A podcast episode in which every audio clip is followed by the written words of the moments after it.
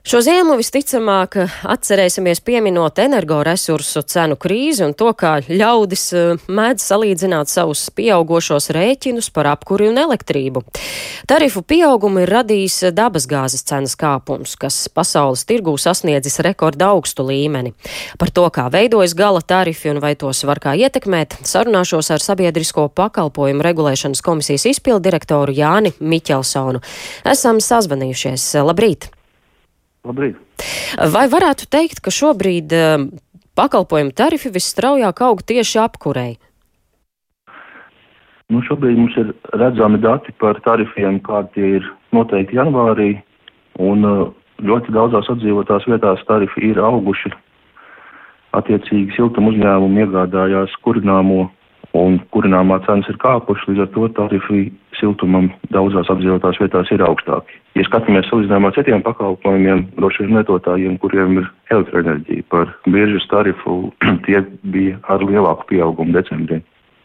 Mm. Cik plaša pašlaik ir tieši siltumenerģijas tarifu amplitūda, kādi ir tie zemākie un kādi ir šobrīd augstākie tarifi? Tarifi ir ļoti plašā amplitūdā, kas atkarīgs no tā, kurā brīdī katrs komersants ir noslēdzis līgumus par kurināmā piegādi. Ja ir līgumi noslēgti ar nemainīgu cenu uz visu apkursu sezonu un vēl pirms apkursu sezonas sākuma, tad tarifi aizvien saglabājās salīdzinoši zemākā līmenī. No tā, kas šobrīd ir janvārī piemērots, eh, daži no zemākajiem tarifiem ir 40-45 eiro par megawattstundu apmērā, piemēram, vairākās Latvijas pilsētās. Ogrē, kur ir divdaļīgs tarifs, siltuma mainīgā daļa 35 eiro par megawattstundu. Un daži no augstākajiem tarifiem janvārī jau sasniedz arī 100 eiro par megawattstundu. Un uh, šobrīd no tā, kas ir iesniegts un jau publicēts piemērojumiem tarifiem februārī, ir sagaidāms, ka tie būs arī vietām vēl augstāki. Mm. Kurās pašvaldībās tie ir visaugstākie?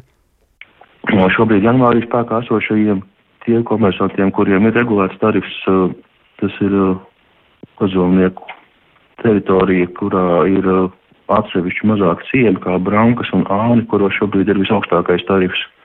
Attiecībā uz uh, februāru un martu sagaidāms, ka augstāks tarifs būs arī uh, robežu novadā vairākos ciemos. Mm.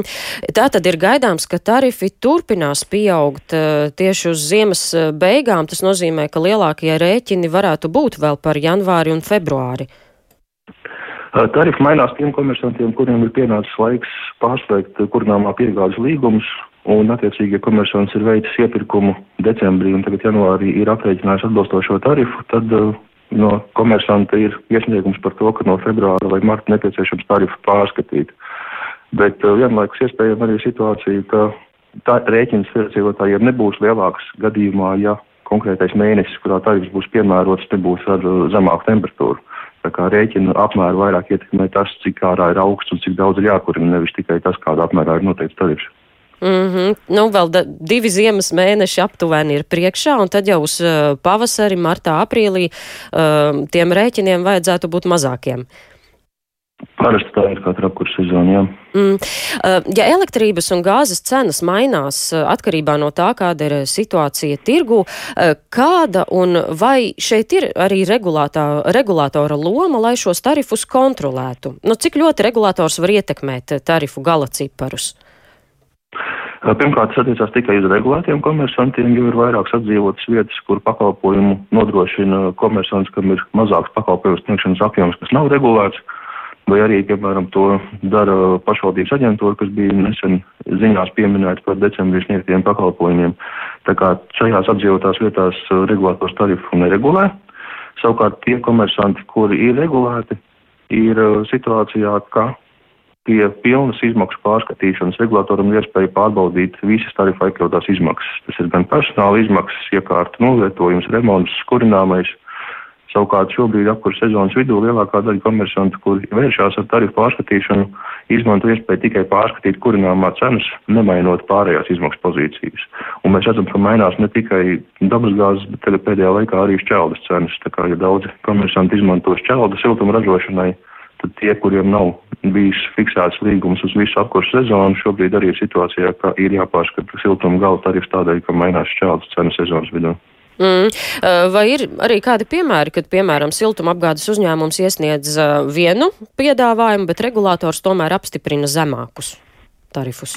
Šobrīd attiecībā uz kurināmā izmaksu iekļaušanu vairāk tā ir tīri dokumentu pārbauda, vai komersants ir veicis iepirkumu pienācīgā veidā, vai ir pamatojums ar līgumu nofiksēts, kādai jābūt kurināmā izmaksai, un tad uz tā pamata arī tiek noteikts tarifs. Ja izskatīšanas brīdī mainās kādi citi faktori, tad, protams, tas arī tiek ierēķināts. Piemēram, no janvāra mainījās elektrības obligātā iepirkuma cena, kas ietekmē tos komersantus, kuri ražo gan siltumu, gan elektrību. Un uz šī rēķina, piemēram, no februāra būs zemāks tarifs tagad Rēzeknas pilsētā, jo tiek iekļautas izmaksā lielākas eh, cenas, par kuru tiek pārdota saražota elektroenerģija. Mm. Vai šajā situācijā, kad rēķini dramatiski kāpja, vai nav iespējams, piemēram, mazināt tarifā iekļauto uzņēmumu peļņas daļu? Vai tas ir iespējams? Faktiski peļņa norāda uz uzņēmumu attiecībām ar savu īpašnieku. Tātad, ja tas ir, piemēram, pašvaldības uzņēmums, tad uh, pašvaldība drīzāk ir rēķinājusies ar noteiktu peļņu no sava komersanta. Ja komersants atnāk ar tarifu aprēķinu, kurā peļņa ir samazināta, protams, arī tas tiek apstiprināts. Bet uh, jāņem vērā, ka no peļņas komersantam ir jāfinansē dažādas citas izmaksas, tā skaitā finansējuma piesaiste. Un situācijā, kad tarifi ir augoši, bieži vien ir uh, nepieciešams komersantam papildus aizņemties, lai nodrošinātu saulēcīgu samaksu par piegādātiem resursiem. Tādēļ uh, šis īsti nav brīdis, kurā peļņa, kas ir regulēta un ietverta tarifā noteiktā apmērā, varētu būt kāds papildus elastības avots. Mm -hmm. Bet kā ir, vai jūsu spēkos ir, piemēram, šādos apstākļos uh, samazināt kaut ko, vai tas ir iespējams? Nu, atbilstoši likumam, tarifs ir noteikts tādā apmērā, lai sektu izmaksas. Tad regulātora galvenā loma ir pārbaudīt, vai ir iekļautas tikai faktiskās pamatotās izmaksas, vai komersants nav atnācis ar kādu prognozi, par kuru vēl nav ne noslēgts līgums, ne arī pieejams kāds cits pamatojums. Tad attiecīgi šāda veida uz nākotnī novērtētās vēl nenofiksētās izmaksas tarifā netiek iekļautas. Līdz ar to tajā brīdī, kad komersantam ir piemēram, attiecībā uz kurināmo noslēdzies iepirkums, tad arī ir iespēja atnākt ar tarifu aprēķinu. Tad vismaz ir novērsta iespēja, ka komersanti varētu pārskatīt izmaksas tikai balstoties uz kādu tendenci vai noskaņojumu tirgū, tas viss ir dokumentāli pamatots. Un iegums no, to, no šīs sistēmas ir tas, ka tajā brīdī, kad kurināmā cena samazināsies, komersantiem arī būs pienākums atnākt ar aprēķinu, kurā būs iekļautas jaunās mazākās izmaksas. Tā kā šobrīd, kamēr bija decembrī vēl tendence kurināmā izmaksām kāpt, tikmēr ir uh, tarifi ar pieaugumu. Kad sāksies tirgu tendence tarifiem izmaksām samazināties, tad arī tarifi attiecīgi ar dažu mēnešu nobīdi tajās vietās, kur tas ir katru mēnesi jānosaka, tiks pārskatīti. Tiem komersantiem, kad izmaksas mainās reizi gadā vai ilgākā periodā, tad attiecīgi arī izmaiņa būs tajā brīdī, kad būs noslēgta jauna līguma. Tas ir veids, kā regulēšana nosakot tarifu atbilstoši izmaksām, ļauj lietotājiem pārliecināties, ka viņi maksā par tarifu, kurā iekšā tikai faktiskās komersantu izmaksas.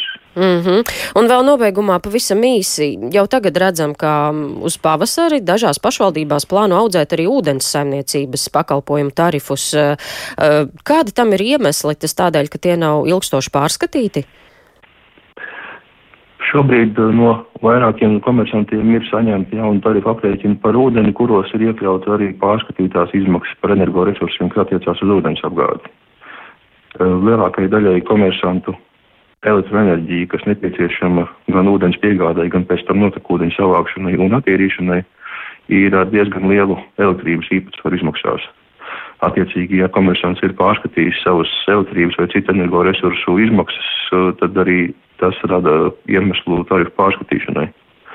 Papildus nu. tam, protams, ir komersanti, kur arī ir veikuši kādas investīcijas, bet tas tad ir pilna tarifu pārskatīšana. Līdz ar to ir ūdens saimniecībā šobrīd arī tendence, ka komersantiem ir nepieciešams tarifus pārreikināt, lai nosaktu šī brīža izmaksas. Mm, tā nu ir šie pakalpojumi viens otru ietekmē. Eh, paldies teikšam šorīt par sarunu. Sazvanījos ar Sabiedrisko pakalpojumu regulēšanas komisijas izpildu direktoru Jāni Miķelsonu.